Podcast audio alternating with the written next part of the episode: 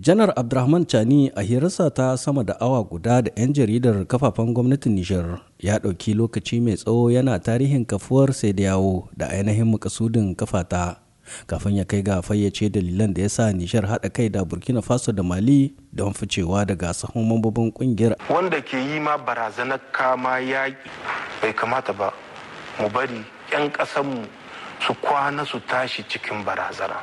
Wannan kadai ya isa mu bar wagga ƙungiya wagga ƙungiya don muna cikinta. An hana abinci ya shigo an katse muna wuta an hana magani ya fito an hana kuɗin na niger mu yi unhwani da shi. Yana mai dora alhakin dambarwar da ke tsakanin ƙasashen uku da a ɗaya gefe ecowas a wuyan wasu shugabannin da ya kira 'yan amshin shatan faransa. In ka ɗauki tinubu libin ya kai faransa ita ta bashi iko. Bai wakala ga allah ba ya san 'yan najeriya su sun ka bashi iko.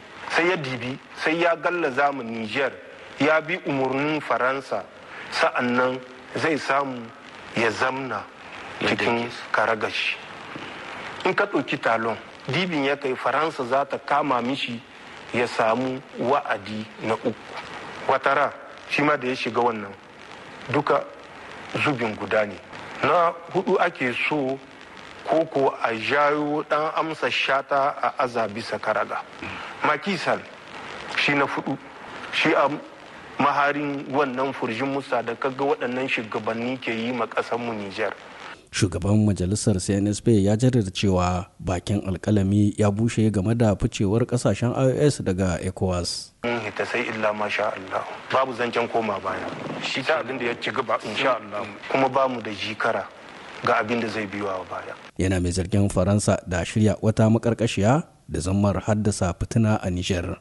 Benin daga iyakanmu da su da Najeriya ya kai W ya kai Penjari can inda suke da iyaka da Togo iyaka da mu da 'yan ƙasar Burkina duka Faransa suna da bazi-bazi cikin waɗannan jihohin. Akwai waɗanda mun ka kora da nan kawai da sun ka kai bisa teku kewaya sun kai sun ka komo Benin. Najeriya haka tun daga Lak sai ka zo Kebbi Faransa na nan tana zamnawa ciki.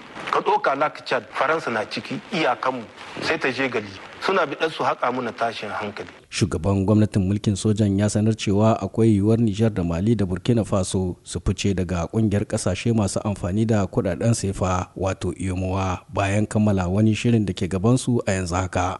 Harka kuɗi lokaci ne insha Allah. Ƙwararri suna ga aiki. Radda sakamako ya kai kowa zai ganin sakamako insha Allah. waɗannan bayanai na janar abdulrahman chani na fitowa bainar jama'a ne a wani lokacin da wasu majiyoyi ke cewa shugaban rikon ƙungiyar sai dawo shugaban tarayyar najeriya bola ahmed tinubu ya umarci wata tawaga domin zuwa bikon ƙasashen niger burkina faso da mali su dawo gida sule mummuni barma muryar amurka daga mai a jamhuriyar niger